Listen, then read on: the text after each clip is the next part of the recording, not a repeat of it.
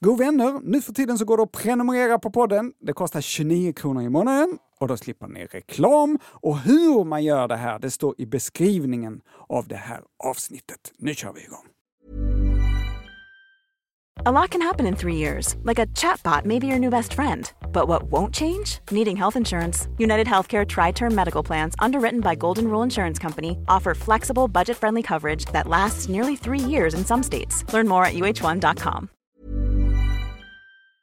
Den här veckan så har vi ett betalt samarbete med Synoptik och deras glasögonabonnemang Synoptik All Inclusive. Ja, det är ett tryggt och bekvämt sätt att ha glasögon där man kan kombinera med eh, solglasögon och linser och där all service ingår som fria glasbyten när en syn förändras, otursskydd om du klantar till det. Ja, vet du vad Måns?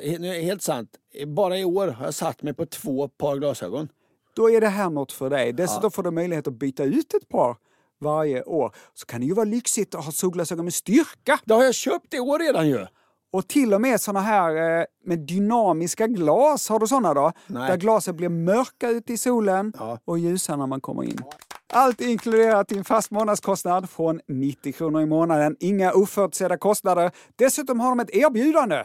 Du får alltid 30% på alla glasögon och solglasögon när du tecknar ett Synoptik All Inclusive. Läs mer och boka tid på synoptik.se. Fråga Anders och Måns.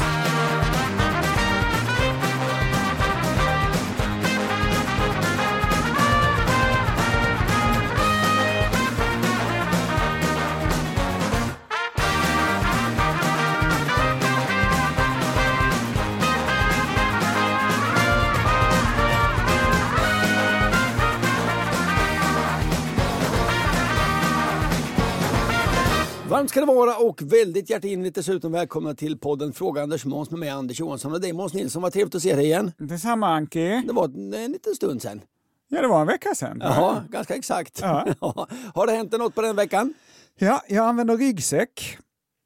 Mm. En vanlig sån där fyrkantig konken. Mhm.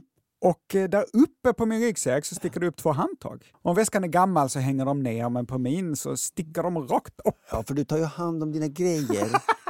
Om man lånar en sladd av dig så får man inte ta bort den där, pin, det där liksom stela snöret runt för att nej, det ska vara kvar. Men- För jag vill ha sladden som den var när jag köpte den. Är det inte bra om man tar hand om de saker man köper så Ja, att men de också- håller länge? Absolut bra. Vi har likadan sån här bluetooth-högtalare. Mm. Min är i nyskick, hur är det med din? Ja, den är, eh, ja, men det stod ju att man kunde använda den i duschen. så att den, den är borta. Min är i nyskick och din finns inte kvar längre, du måste köpa en ny. Har jag redan gjort. Det hör inte alls till saken. Nej. Jag har en eh, ryggsäck med två handtag längst upp som sticker upp. Igår var jag i en matbutik, skulle ta en mikromat och den var på nedersta hyllan i en kyl med glasdörrar så jag var tvungen att öppna en av dörrarna och böja mig ner. Jag tog min mat, vände mig om och gick därifrån. Då satt du fast i glasdörren såklart. Bara för att ryckas tillbaka! Jag hade fastnat. Jag satt fast med handtaget på ryggsäcken i handtaget på glasdörren. Som när man gick i skolan och någon höll fast en liksom i ryggsäcken. Så man inte fick gå av bussen. Och man kunde liksom inte bända loss deras fingrar för man kom inte åt för de höll längst bak på ryggen. Liksom. Det enda sättet att ta sig loss, det här vet alla mobbingoffer, är att glida ur ryggsäcken. Detta hade jag dock glömt eftersom det var 30 år sedan jag gick mellanstadiet. Så igår i matbutiken så visste jag inte riktigt hur jag skulle komma loss. Nej. Jag började med att huka mig ner och sedan liksom röra kroppen fram och tillbaka i sidled. Då kom det folk. Jaha. Ganska många. Jag slutade genast orma mig Ja. och istället så böjde jag mig ner och låtsades knyta ett skosnöre. Nej. Problemet var, förutom att... Varför kan du inte bara be om hjälp Måns? Varför kan du inte vara som andra människor? Kan ni, ursäkta jag sitter fast, kan ni hjälpa mig? Ja men det är väl Hallå? roligt. Bjud, Hallå, bjud, hej. bjud på det. Jag böjde mig ner, Ja. men problemet då, förutom att skosnöret redan var knutet, Ja. var att jag inte riktigt nådde ner till mina skor. Herregud. Eftersom jag satt fast. Jag nådde ner med fingertopparna, men framförallt så hängde jag från kylen. Som en tomte i en julgran. Som en tofs hemma hos Maria Montazami. Som den tomte du är som inte ber om hjälp. Jag sitter fast säger man så får man hjälp. Herregud. Personerna gick Vill du förbi... hemma hos? Nej. Sämst ibland. Personerna gick förbi och verkade inte se att något var konstigt. Nej, de, hade- de såg såklart att det var konstigt. De tänkte så här, varför ber han inte om hjälp? Eller precis som du är inne på här så betedde de sig bara. Mm. Så som jag själv gör när jag möter en hemlös man som skriker och tuggar fradga och är naken på underkroppen. Att jag låtsas att allt är precis som vanligt och till varje pris undviker ögonkontakt. Ja, just det. Det var kanske så de valde att inte stirra eftersom jag verkade galen där jag hängde och slängde från en kil. De kanske glodde, fast i ögonvrån. Jag vet inte, men jag tror inte de märkte mig. Och som tur var så var det ingen som skulle ha något från just den kilen där jag satt fast. För då hade du kunnat få hjälp. Det hade kunnat bli superpinsamt. Ursäkta, skulle du kunna flytta dig en centimeter? Ja, men herregud. Nej. Du ska inte komma här och tro att du äger mataffären. Flytta dig själv en centimeter. Ja. Nej, Jag, jag går in och säger att det här problemet är tusen procent självförvållat. Du satte fast dig själv och du vågade inte be om hjälp.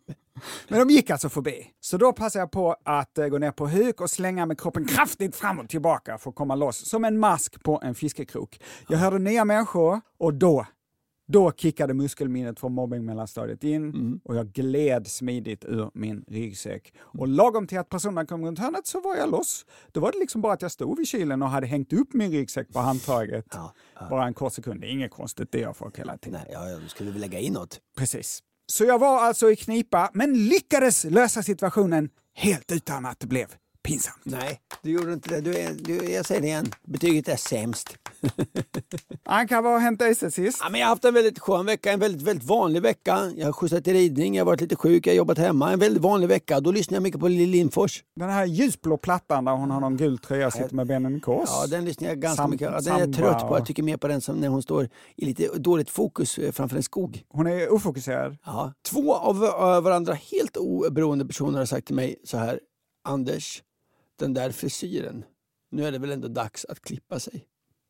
Så jag är vuxen. Och det här är sånt som min mamma sa till mig när jag var liten, när jag var 14. Ja. Mm. Två av, va- av varandra oberoende personer. Vad är det med din frisyr? Det, har ju, det är bara lite långt ju. Ja, ja, ja. Det är väl inget konstigt med detta? Två reaktioner. Den ena, jag borde klippa mig. Den andra, exakt samma som när jag var just 14. att jag tänkte, det ska väl du skita i kärring. Men det sa jag inte. Nej. Nej, utan jag sa, ja det kanske jag ska. Ja. Ja. I förrgår var jag ute och handlade presenter. Jag var lite sen med allting och jag var lite sen med det mesta. faktiskt. Jag var lite stressad. Jag parkerade min bil i centrala Malmö. Jag slet upp bildörren på min bil. Boom! En cyklist brände rätt in i cykeldörren. Ah, livsigt. En kvinna cyklade rakt in i min bildörr. Nu gick det hela ganska bra, hon slår sig inte. Det enda som hände var att hennes cykelväska gick sönder och den har jag nu betalt henne nästan tusen kronor för. Men likväl vad intressant det är när man gör lite fel i trafiken. Alltså när man gör fel och vet att man har gjort fel. Alltså det är farligt när man gör fel i trafiken. Men Du, ändå, du men, hade kunnat kosta den här kvinnan hennes liv. Ja, ändå så är det så, trots att det man råkar ibland göra fel även i Ja, trafiken. Det finns ju bara en sak att göra. Nu har jag nästan skadat en kvinna. Vad gör jag? Jo, jag säger förlåt, förlåt, förlåt, förlåt och sen säger jag förlåt, förlåt, förlåt, förlåt, det var mitt fel, förlåt. Hur gick det? Så sa jag. Men du vet också, när man nästan har slagit ihjäl sig, då blir man ju rädd. Ja, nu, nu lever du in i kvinnans Ja. eh, situation. Ja, här. hon blev ju rädd såklart. Ja. Hon slår ju nästan ihjäl sig. Ja. Och när man blir rädd så blir man ju också lite lätt arg. Alltså det blir en så konstig situation. Jag låg ju redan så platt man någonsin kan ligga. Jag låg som utsmetad på asfalten i ett enda stort förlåt, förlåt, Och förlåt. visa halsen. Ja. Och var vad gör hon då? Hon är fortfarande arg. Jag har liksom ingen väg att gå. Nej. Nej. Nu eh, blev vi sams sen och kvinnan visade sig vara ganska trevlig. Och jag kan ju förstå att hon blev arg. Såklart det! När någon faktiskt kastar upp en bilder precis när man kommer cyklande. Ja, ja, ja. Därför vill jag återge det gamla knepet. När man öppnar en bildörr så ska man göra det med höger hand. Så att man vänder sig om och då ser man automatiskt ut i bilen. Ah. Det där knepet är uppfunnet i Holland och har ett namn som jag glömt. Jag borde kommit ihåg det för att jag kunde det inte heller när jag fick frågan På spåret. Det var lite kort vad som hände mig. Bra tips. Vi kramades en liten stund och sen sa du jorden är rund Men jag svarade med ett skratt Men söta du jorden är platt Sen grälade vi en stund om det Tills jag en stor svart hund fick se Men du var sur på mig och sa Nej det är en papegoja Ja, men då drar vi igång veckans avsnitt, Ankan. Det gör vi. Det gör vi med en fråga från Joel. Hejsan Anders och Måns. Jag blev lite fundersam kring ordet förhistorisk. Vad menas egentligen med det? När börjar då historien? Oj. Och varför börjar den just då? Detta undrar alltså Joel. Vet du Anders? Nej, men jag tror att det är så här att när man kan vara säker på grejer, då börjar historien. I, Nej, men historia är väl alltid bakåt? Hur kan det finnas tid före historien? Nej, men förhistorien, alltså förhistorien, alltså så här, man vet vad egyptierna höll på med, har man bevis för och så. Men sen kan man räkna ut att jorden bildades på det här och det här sättet. Men man kan inte säga exakt, det var 1752 eller Va? 3000 före Kristus eller så. Eh, alltså före, när, man, när man är jävligt osäker på grejer är förhistorien. Du har rätt Ankan. Så här ligger det till.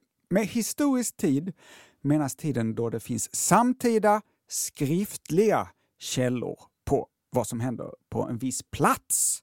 Någon som var med när eh, saker hände och skrev ner det och att då anteckningarna finns bevarade. Med förhistorisk tid menas då tiden innan folk började skriva ner vad som hände. Till exempel för att de inte hade ett skriftspråk. Ja. Så här står det på Wikipedia. Förhistorisk tid, eller forntid, kallas den tid där de skriftliga källorna är obefintliga eller alltför bristfälliga för att ge en täckande bild av historien. Men då tänker du, Anders, i Mesopotamien kunde de ju skriva 3000 år före Kristus, medan i Sverige blev vi ju läs och skrivkunniga på typ 70-talet. Ja. Är då förhistorisk tid olika på olika ställen i världen? Nej. Jo, exakt. Bra, Anders. Tack. När det gäller Mesopotamien, Egypten och Persien slutade förhistorien omkring år 3000 f.Kr. Ja. I Kina cirka 1500 f.Kr. och i Grekland cirka 750 år f.Kr. Jag fortsätter läsa på Wikipedia här. Jaha. I skandinavisk historieskrivning sträcker sig förhistorien från människors invandring till kristendomens införande på 1000-talet. Så alltså historisk tid börjar i Skandinavien på 1000-talet ungefär. Oj. Detta eftersom runstenar i allmänhet är otillräckliga som historiska källor. Gränsen är emellertid flytande då det finns utländska historiska källor som belyser järnåldern i Skandinavien och det dröjde ytterligare några hundra år innan stora delar av Norrland beskrivs i skriftliga källor. Vid forntidens slut inträder den skandinaviska medeltiden och därmed historisk tid. Alltså det var lite olika. Ja, ja, väldigt olika. Ja, ja. Allt då från eh, 3000 år före Kristus Ja. i Mesopotamien, och Egypten och Persien. Tusen år efter här. Ja, så Joel, förhistoriskt betyder att det inte finns skriftliga källor på vad som hände och det är olika på olika ställen på jorden. Får man läsa på innan då? Innan. Man bör läsa på om man ska Man får veta. läsa på innan man börjar läsa på. Ja, precis. Ja, men så man vet om, det för, om jag läser om förhistorisk tid eller historisk tid. Ja, men så är det ju. Förhistorisk tid bygger på andra källor som arkeologiska källor Ja, och gissningar. ja. Medan då historisk tid bygger på att man ska försöka lita på de där som var med. De kan ju också ha ljugit. Jo tack, vi. har ju pratat om, om Plinius den äldre flera gånger. Han som trodde att älgar hade stora överläppar. Alltså det borde ingå i, i, i, i, stor, i historisk tid, men han hade ju fel. Bristfälligt.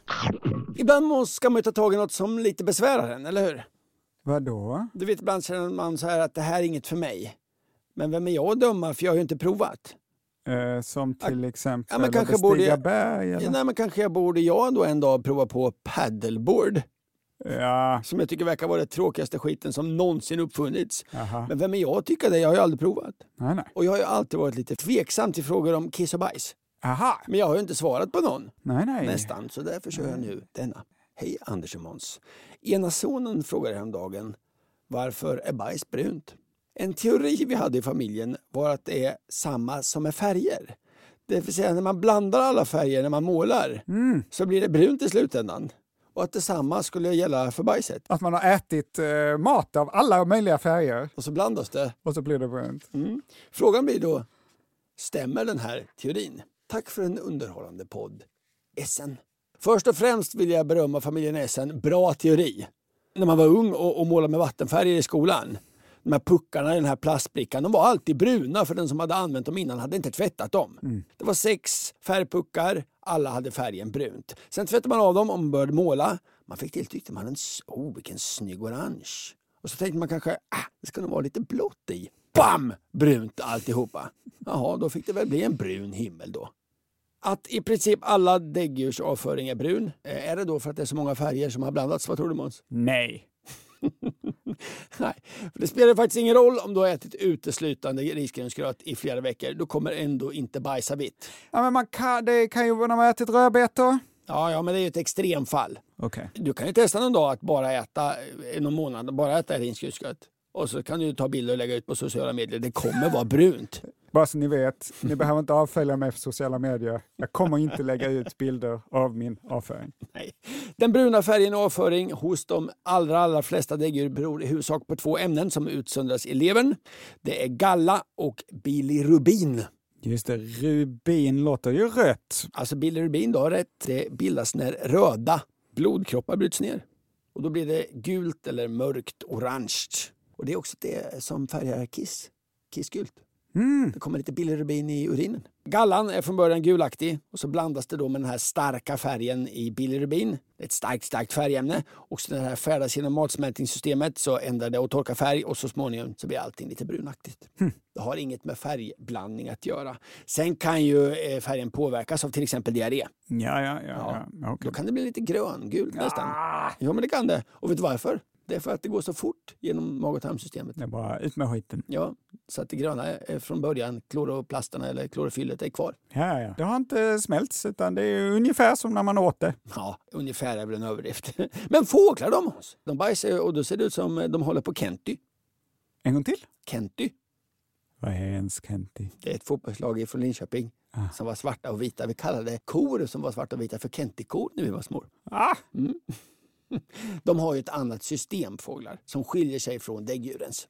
ja, men de har, separerar inte kisset och bajset, utan allt kommer ut genom kloaken. När proteiner bryts ner så bildas två olika typer av kväveföreningar som restprodukter. Och det här är spännande. Bland annat ammonium. Och ammonium det är ju väldigt, väldigt giftigt. Det händer i däggdjur också.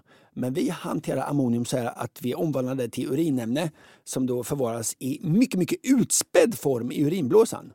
Så att vi spär ut det med väldigt mycket vatten, ammoniet. Så Ja. då blir det inte farligt för oss. Men det är därför som gubbar är så noga med att springa ut till sin bil och torka bort fågelbajs. För det här ämnet gör att det blir märken på lacken på bilar. Jaha. Fåglar då och reptiler löser det här problemet som vi har löst med att späda ut det på ett helt annat sätt. De förvandlar det här till urinsyra. Och det här är då vitt och ganska torrt och inte lösligt i vatten. Och det här är smart då, för då behöver inte fåglar flyga omkring med massa vatten i kroppen. De blir så tunga. Mm, såklart! Ja. Och om du är en ödla och bor i öknen, Det är inte. nej, men om det hade varit, hade varit svårt att hitta mycket vatten att blanda ut ditt ammonium med. Bättre då med urinsyran då. Sen har ju då fåglar inte två olika hål utan eh, det här samlas då i kloaken och där rörs det väl inte om tillräckligt och därför kommer det då svart och vitt. Sen finns det eh, däggdjur som inte bajsar brunt. Det kanske finns många olika men jag har en eh, som jag gärna vill nämna här. Vilket eh, däggdjur tror du bajsar färgglatt? Fan vad märkligt att jag inte vet det här redan. Ja, ja, det borde du veta. Hmm. Det här borde jag sätta tänker Ja, du. men något extravagant. Ja, det kan man däggdjur. minst sagt säga. Det är väl, verkligen extravagant däggdjur. Järv. Nej, eh, järvens avföring är synnerligen brun. Rätt svar, blåvalen. Jaså? Blåvalar, du vet, de äter ju tonvis med krill varje dag. Ja. Och krillen är ju ett färgglatt, nästan lite lysande kräftdjur.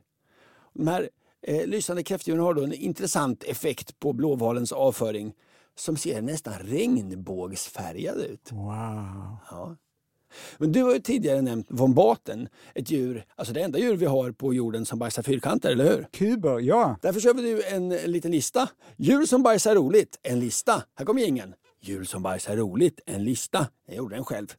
Kaskelotter Måns, vet du de, vad de kan göra med sitt bajs? Nej. Jo, de kan skjuta ut ett moln av avföring som ett explosivt försvar. Alltså nästan lite som en bläckfisk, fast de är bajs. Ja, men det måste vara effektivt att tänka ah, jag ska aldrig mer attackera den där djuret. En liten favorit här. Demodex-kvalster, känner du till dem? Nej. Det är ett litet, litet djur, det är ett kvalster då, Ja. som lever i ansiktet på människor. Mm. Det känns ju lite äckligt att ha ett litet djur som går omkring i ansiktet. Mindre äckligt då för att de bajsar inte alls. Det var skönt ändå. De har inget anus. Så de bajsar inte med i ansiktet i alla Jo, fall? de bajsar, men de lagrar all avföring i sin kropp tills de dör. Ja, ja. Gamar de Måns, vad tror du om gamar? Vad har de för usp på sitt bajs? Hmm, De har ju väldigt bra luktsinne Mhm. för att kunna hitta kadaver. Och då kanske de tycker att sitt eget bajs luktar illa. Nej. Alltså för att de har så bra luktsinne. Du är helt ute. de Du kan sluta prata för du är helt fel spår. De släpper det från superhög höjd för att bli av med det. Nej, det är tokfel! Gamar som behöver kyla ner sig bajsar sig själva på benen. Låter ju lite äckligt, men det är samma princip som när vi svettas. Alltså när vätskan sen avdunstar från benen så suger den bort värme och de får en svalare hud på benen. Men då är jag glad att jag kan svettas. Vissa tusenfotingar då, de har ett lite extravagant, förlåt om det låter snuskigt, stjärthål. Ja. Vissa tusenfotingar, jag har inte exempel på någon här, men jag säger bara vissa, det blir lite lös fakta, kan skjuta smält bajs med sin lilla kanonstjärt. Wow. Alltså de har smält växtmateria av storleken, som det står i artikeln, storleken av en granolaflinga kan då skjutas ut från baken upp till 40 gånger längden på larvernas kroppar. Varför då? Jo, för att om de gör så så lockar de till sig färre köttätande myror. Så om du plötsligt får en granolaflinga i knät så är det inte säkert att du har tappat den från din eh, skål med flingor. Nej, Det kan du vara. ska, man ska veta var ens granolaflinga kommer ifrån. Ja. Det var listan djur som bajsar roligt. En lista. Det var en rolig lista. Jag vill också nämna etta på min lista av djur som bajsar roligt. Det är ju däggdjuret och lite mer specifikt min kompis Basse. Mm. Så när han är hård i magen så vill han gärna hålla i handfatet framför sig. Nu, nu outar du Basse här ju. Han måste hålla i handfatet. Jaha. Det går lättare om man är hård i magen om man får hålla i handfatet. Ja. Om du känner Basse, berätta inte att han kan ha berättat detta. Nej, nej, nej, han håller sig i handfatet. Ja, vi går vidare.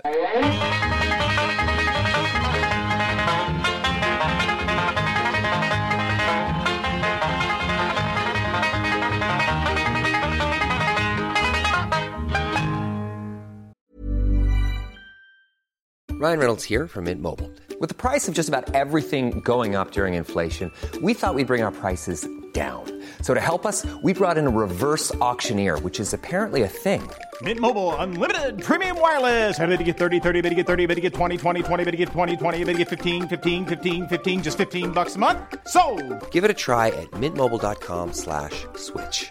$45 upfront for three months plus taxes and fees. Promo rate for new customers for limited time. Unlimited more than 40 gigabytes per month. Slows. Full terms at mintmobile.com. Quality sleep is essential. That's why the Sleep Number Smart Bed is designed for your ever evolving sleep needs. Need a bed that's firmer or softer on either side? Helps you sleep at a comfortable temperature? Sleep Number Smart Beds let you individualize your comfort so you sleep better together. JD Power ranks Sleep Number number 1 in customer satisfaction with mattresses purchased in-store. And now, save 50% on the Sleep Number limited edition Smart Bed for a limited time. For JD Power 2023 award information, visit jdpower.com/awards. Only at a Sleep Number store or sleepnumber.com. Planning for your next trip? Elevate your travel style with Quince. Quince has all the jet setting essentials you'll want for your next getaway, like European linen, premium luggage options, buttery soft Italian leather bags, and so much more. And is all priced at 50 to 80% less than similar brands. Plus, Quince only works with factories that use safe and ethical manufacturing practices. Pack your bags with high-quality essentials you'll be wearing for vacations to come with Quince. Go to quince.com slash pack for free shipping and 365-day returns. Vad har det blivit dags för nu, Ankan? Åter. Ja, vi kör ingen. Pling, pling, pling. Åter, åter, återkoppling. åter. Pling, pling. Det började med att vi retade oss på Kronfågelns reklamlåt Kyckling på fredag från tidigt 2000-tal. Den är så vidrig så vi ska inte lyssna på den i, igen. Lite bara här kommer. På torsdag äts det ärtsoppa, på lördag är det fest. Men fredag är ändå den dagen som känns bäst. Ge mig då kyckling Vi kom fram till att det som svenska folket verkligen äter på fredagar är Tacos. Varpå Timjan skickade in en omskriven variant av Kyckling på fredag där texten nu var tacos på fredag. För två avsnitt sedan spelade vi upp en remix av Timjans sång gjord av Jim och Christian och bad om fler. Så här skriver Edvard och Erik. Ohoj grabbar, här kommer ett bidrag till följetongen Tacos på fredag. Hoppas den får hålla på lika länge som remixarna av Sommartoppen. Ja, det vet i fåglarna, men okej. Brevet fortsätter med historieförfalskning. Så här står det. De flesta vill minnas att det var Kronfågel som försökte få svenska folket att äta kyckling på fredagar. Men egentligen var det Santa Maria som fångade våra hjärtan och kom in i folkhemmet med den här låten. Hälsningar från Edvard i Stockholm och Erik i Halmstad. Och så har de då skickat med en egen remix av Tacos på fredag som de hävdar då är hur låten lät från början. Jaha, Är du redo Ankan? absolut. På torsdag älskar pannkaka, på lördag är det fett. Men fredag är ändå den dagen som känns bäst. Ge mig då tacos, det gillar jag mest.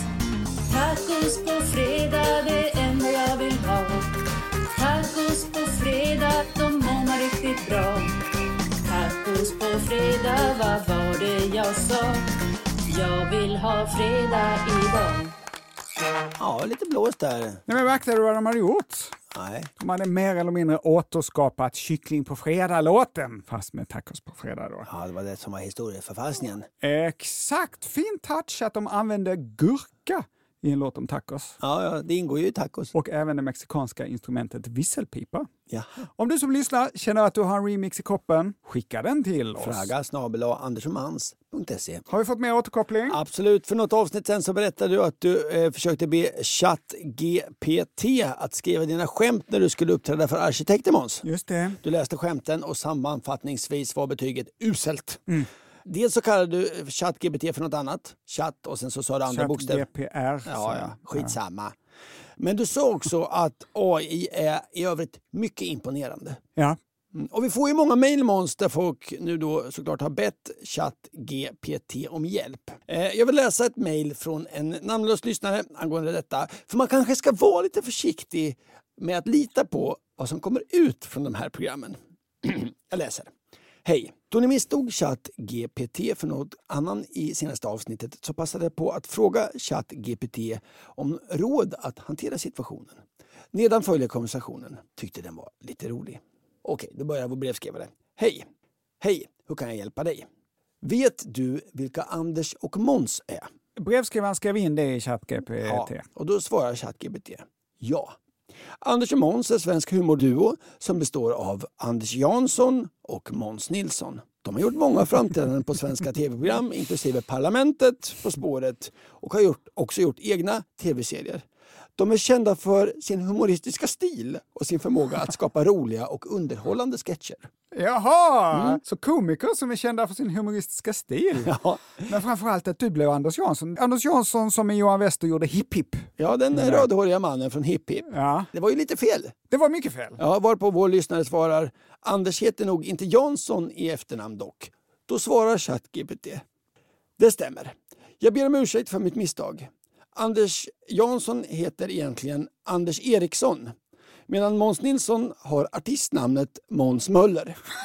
Tack för att du påpekade det. Nu blev det ju ännu mer- fel. Anders Eriksson är ju han i Galenskaparna det. Ja, jag önskar att du var han. Ja, och Måns Möller, det är väl inte du Måns? Nej, jag önskar att jag var han också. Ja, är absolut. han. Eh, Då svarar vår brevskrivare, ja, det var inte heller riktigt rätt.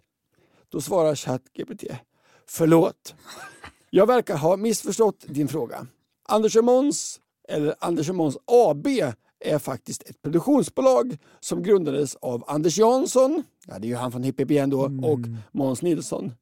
Bolaget har producerat flera tv-serier och shower inklusive Hipp Hipp, nah, Parlamentet och Breaking News med va? Filip och Fredrik. Det är bara improvisera. Den, Ja, eh, vill, det från- här fanns ju inte ett rätt. Från Det att ha haft mitt efternamn lite fel är det nu helt uppåt väggarna.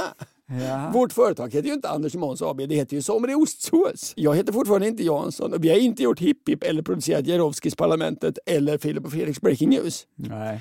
Chatten avslutar här, GPTn alltså. Hoppas detta var svar och mer korrekt och till hjälp.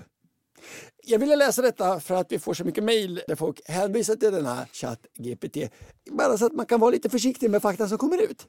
Ja, precis. Man får ju ha lite källkritik. Men så här tycker jag ofta det är. Att eh, när jag läser tidningar så litar jag på att det som står i artiklarna är rätt. Jag bygger min verklighetsuppfattning på det jag läser. Men sen ibland så blir man då själv intervjuad. Eller det är artiklar om saker som man känner till väldigt, väldigt väl. Till exempel porslin. Ja. Och då märker man, men herregud, i just den här artikeln är det ju jättemycket fel. Det man kan tänka då är att då är det antagligen det i alla andra artiklar också. Och att man ska ha en del källkritik och vara lite försiktig med att lita på det man läser. Och framförallt det man hör i podden Fråga Anders och Måns. Absolut, vi går vidare. Jag vill ha fredag idag. Ny fråga. Tja! En snabbis sitter just nu på ett flyg vid nödutgången som är utrustad med en fet spak som man ska kunna öppna dörren med. Blir såklart tvångsmässigt sugen på att göra det. Lex sparkar till en liten hund. Men det kan väl ändå inte vara så att man kan öppna nödutgångarna på ett flygplan mid-air? Hur fungerar systemet kring när man kan öppna dörrarna och inte? Detta undrar signaturen E. Och så skriver personen här ett PS.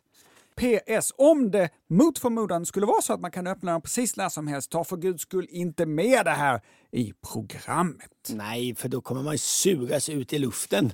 Du Ja, minns den här hemska olyckan när ett fönster lossnade och en tant, halva hon sögs ut ur rutan och dog. Fruktansvärd olycka för något år sedan. Ja, det låter omysigt. Ja, Ankan, hur är det? Är du flygrädd nu för tiden eller har det gått över? jag tycker att det har blivit lite bättre. Jag var ju Mm. med om en eh, obehaglig sak när det small till och ett plan tystnade sådär. Allt stannade.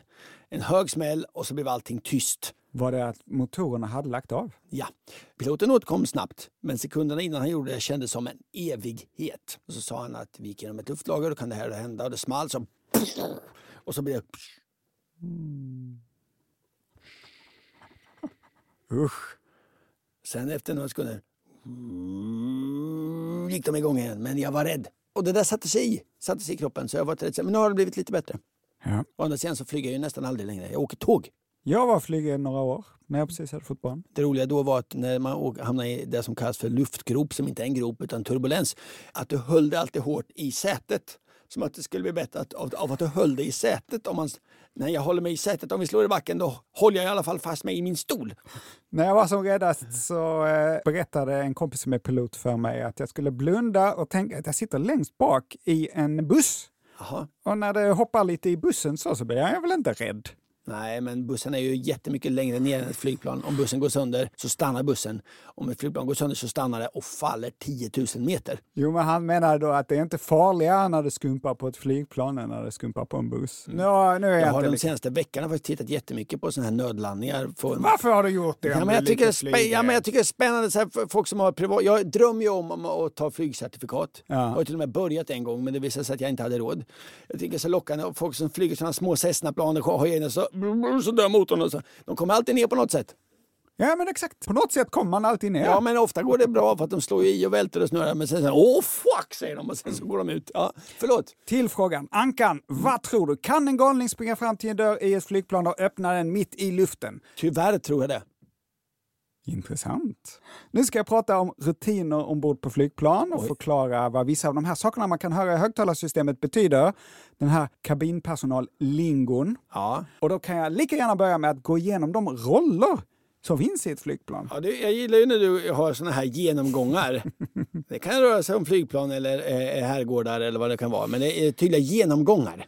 Ja, De Anka. brukar bli långa. Ja, men det är inte så farligt den här gången. I cockpit Ja. sitter två personer. Vilka tror du det är, Ankan? Det är första pilot och andra pilot. Precis, det är två piloter. Kaptenen och sen the first officer, som ofta förkortas FO. Så en av piloterna heter alltså kapten, den andra first officer. De flyger, navigerar och sköter radion.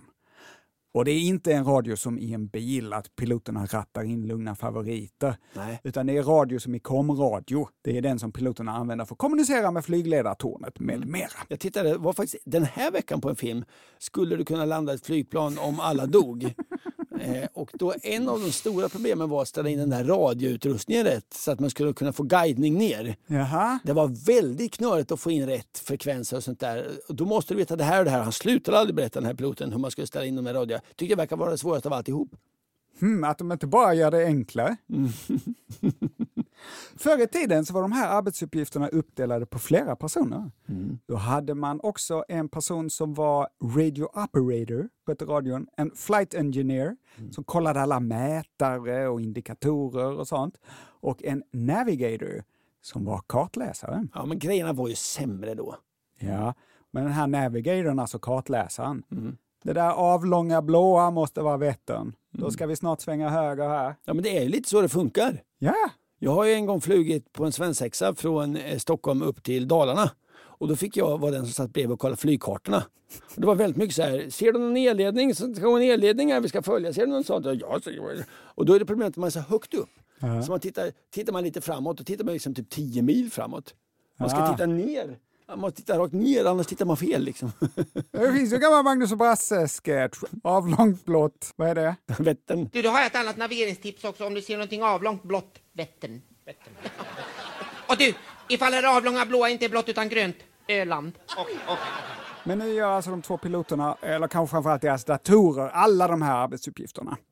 På långa flygningar så kan det finnas en tredje pilot. Men han eller hon sitter liksom inte där framme hos de två. Det är inte så att de sitter tre piloter i bredd. Nej, men det finns en del bilar man kan sitta tre bredd. Nej, det har inte med det här att göra. Nej. Utan det är en reservpilot. Fiat Multipla är en av få bilar med tre framsäten. Det är en reservpilot som kallas second officer. Så kapten, first officer och sen second officer. Sen har vi då kabinpersonalen. På varje flygning är en av dem chef, eller som det heter, Steward. purser. Aha. Det är alltså arbetsledaren för kabinpersonalen, purser. Vad är steward då? Jo, det är då den sista här då, rollen. Det är personen som är ansvarig för maten och serveringen. Och också, och, och också om man ska ta sig av fort. Nödlandnings... Ekva, ekvakuer, ek, ekvakuer, ek, ek, Ek, vadå? Ja, det får vi lyssna på.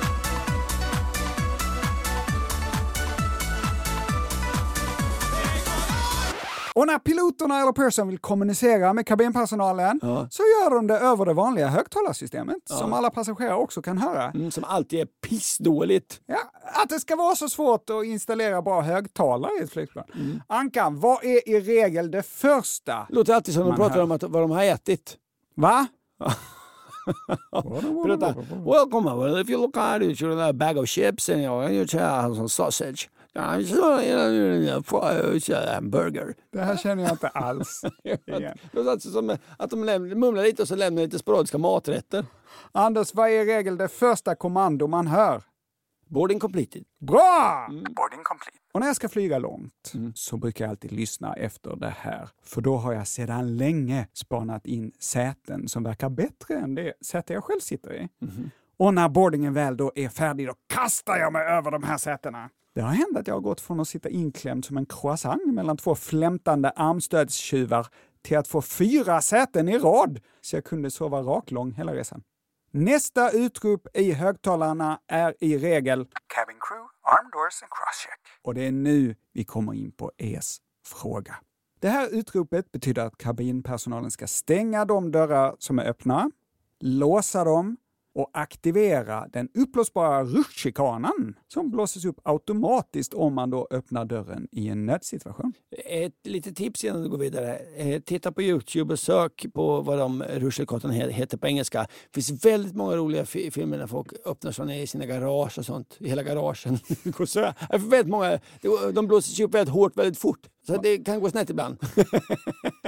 Men det här ordet då, crosscheck, vad tror du det betyder? Jag tror att då eh, ringer den som står längst fram till den som står längst bak och kollar är allt lugnt hos dig? Är allt lugnt hos dig? Nej, det betyder att personalen ska dubbelkolla varandras dörrar så att de verkligen är stängda och låsta. Så först går personalen till varsin dörr, stänger, låser, aktiverar rutschkanan. Sen går man då och dubbelkollar varandras. Det är det som är crosscheck. När detta är gjort så hör man crosscheck complete.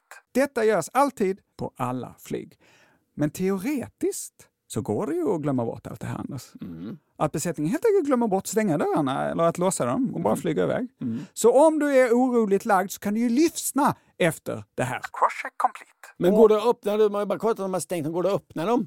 Det är det som är frågan. När man är uppe i luften, går det öppna Ja, men jag kommer till detta. Jag kommer till detta. Om du inte hör crosscheck complete så kan du alltid påminna besättningen. Ja, kolla dörrarna! Det är säkert inte alls störigt Nej. för dem. Samma sak, fast tvärtom, händer när planet har landat. Då hörs Flight attendants, door to arrival and crosscheck. Detta betyder att besättningen ska låsa upp dörrarna, koppla från upplösbara rutschkanan och sedan då crosscheck. En report. Ja, men dubbelchecka varandras Ja, det. eh, Ja, dörrar. Precis. Om de skulle glömma bort eh, att koppla ifrån rutschkanan, vad händer då Ankan? Då öppnas rutschkanan när man öppnar dörren. Precis, då blåste den upp med en explosion som du säger vid gaten. Och det här har faktiskt hänt några gånger. Såklart. Så det går att glömma detta. Finns på Youtube och kolla. Ja. Men går det då att öppna dörrarna i luften? Du trodde ja. Svaret är nej. Nej. De är som sagt låsta, men även om en passagerare skulle tvinga någon i personalen att låsa upp så kommer personen inte kunna få upp dörren. Och detta har med lufttryck att Att göra. trycker hårt på planet. Nej, men tvärtom. Planet trycker hårt. Eh, Ja, ja, det är, blir undertryck ja. Det, ja, ja. ju högre upp i luften man kommer, Ja. desto lägre lufttryck. Detta eftersom luft väger. Jag har dragit det någon gång, men här kommer SMHIs förklaring av lufttryck. Lufttrycket vid en viss nivå är lika med tyngden av en lodrät luftpelare som sträcker sig från den aktuella mätpunkten upp till atmosfärens övre gräns. Ju högre upp man kommer i atmosfären, desto lägre blir alltså lufttrycket. Pelaren blir kortare. Exakt. Och på den höjd som flygplan flyger, säg 10 000 meters höjd, är, luft, 30 000 feet. är lufttrycket bara en tredjedel av det vid havsytan. Och sånt här lågt lufttryck, det är livsfarligt för människor. Ja. Så därför så skapar man ett mycket högre tryck inne i planet. Ja. För att sammanfatta, vi har ett lågt lufttryck utanför flygplanet, men ett mycket högre kabintryck inne i flygplanet. Och det pressar ut mot dörrarna så går det inte att få upp dem. Exakt, det trycker ut dörrarna utåt med jättestor kraft då. Men då tänker man ju att det skulle ju göra att det, Att de bara ploppar ut. Ja, precis, att det är mycket enklare att öppna dörrarna. Ja, nej. Det höga kabintrycket hade gjort att det hade varit mycket enklare att öppna dörrarna om dörrarna öppnades utåt.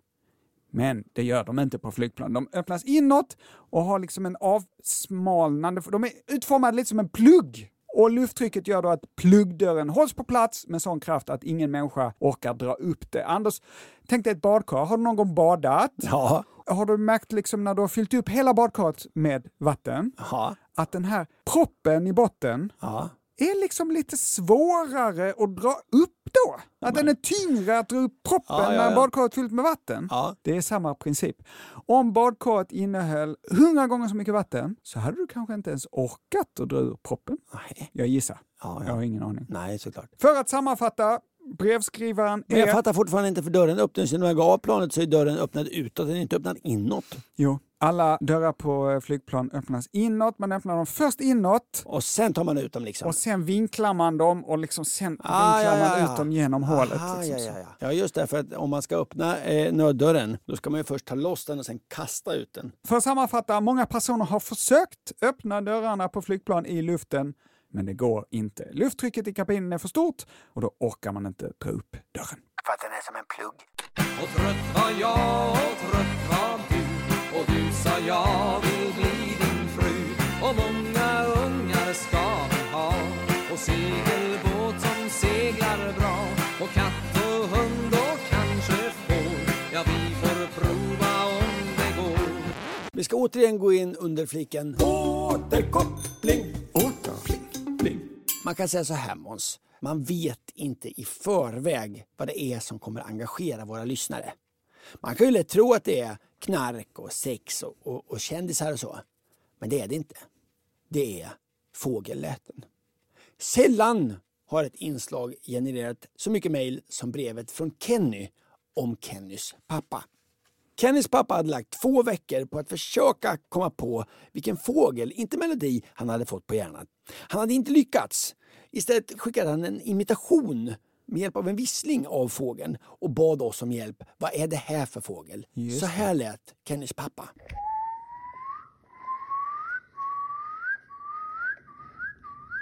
Och jag kände igen det och tyckte att det var en fågel det där. Jag sa bland annat en, en rödrom. Det visar sig att en rödrom är en fågel som inte finns. Jag tror, helt ärligt Måns, vi har fått 500 svar. Det är väldigt jämnt mellan några fåglar. Men vi börjar eh, lite från början. Vi tar ett axplock här Måns.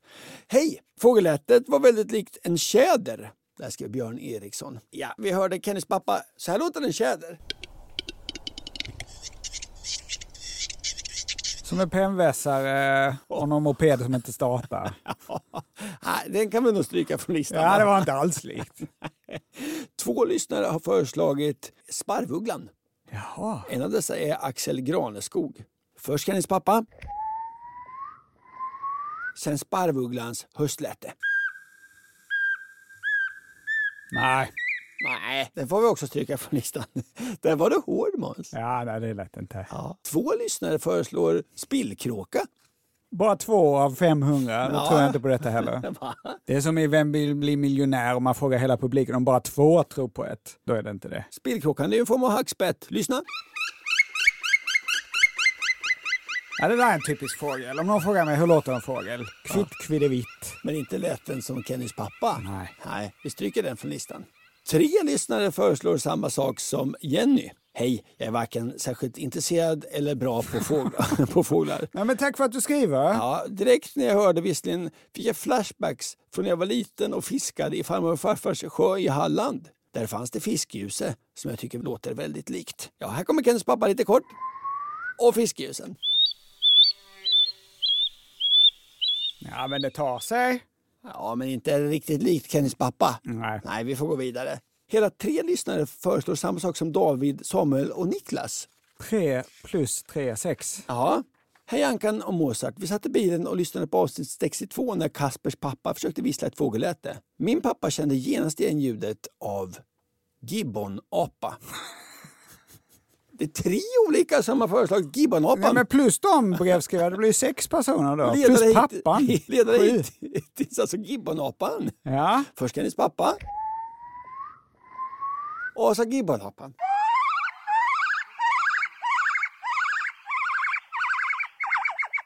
Wow, vilket läte! Cool! Den är ju absolut bäst hittills. Ja. Kan det vara så att Kennys pappa har fått en apa på hjärnan och inte en fågel? Förutom dessa var våra övriga lyssnare rörande överens om två förslag, båda med det inledande ordet stor. Några hundra föreslår samma som Niklas. Jag tycker fågelljudet som visslades var i det närmaste en perfekt imitation av storspov. Ja, där har vi det. Ja, vi ska se. Vi lyssnar väl på storspoven då.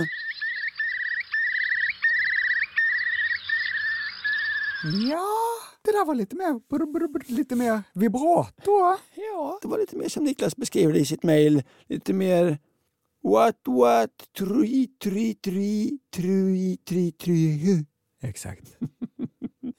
Men ändå flera hundra som tror på storspoven. Men vinnare, den som fått allra flest röster, Stor Lom. Hej Anders Måns! Som de lomälskare vi är säger vi att det är en stor lom Kaspers pappa försöker härma med sin vissning. Kanske har han hört den i familjens fina låt Vinter i april. Här kommer den.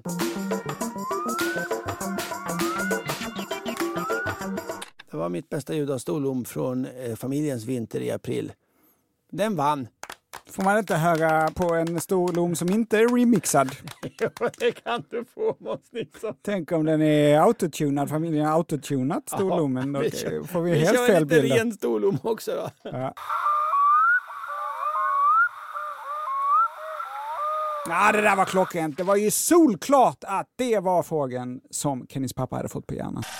Tacos på fredag, det enda jag vill ha. Tacos på fredag, de många riktigt bra.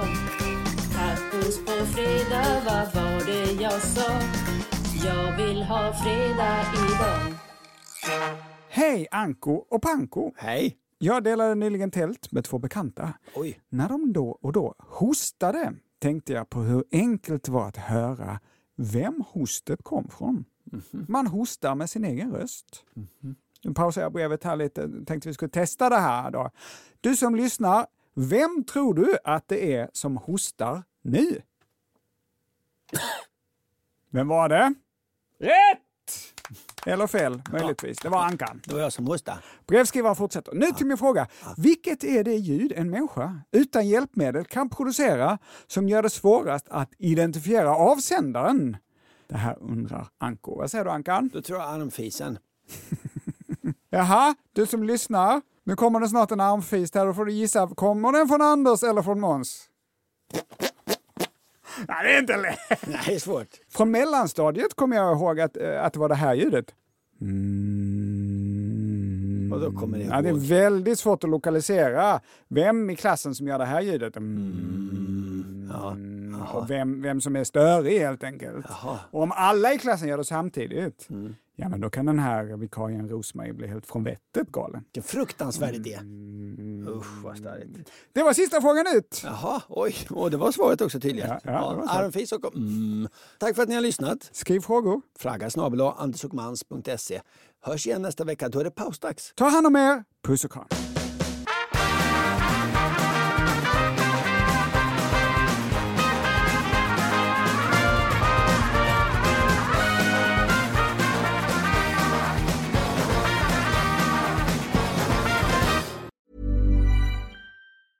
Planning for your next trip? Elevate your travel style with Quince. Quince has all the jet setting essentials you'll want for your next getaway, like European linen, premium luggage options, buttery soft Italian leather bags, and so much more. And is all priced at 50 to 80% less than similar brands. Plus, Quince only works with factories that use safe and ethical manufacturing practices. Pack your bags with high-quality essentials you'll be wearing for vacations to come with Quince. Go to quince.com slash pack for free shipping and 365-day returns.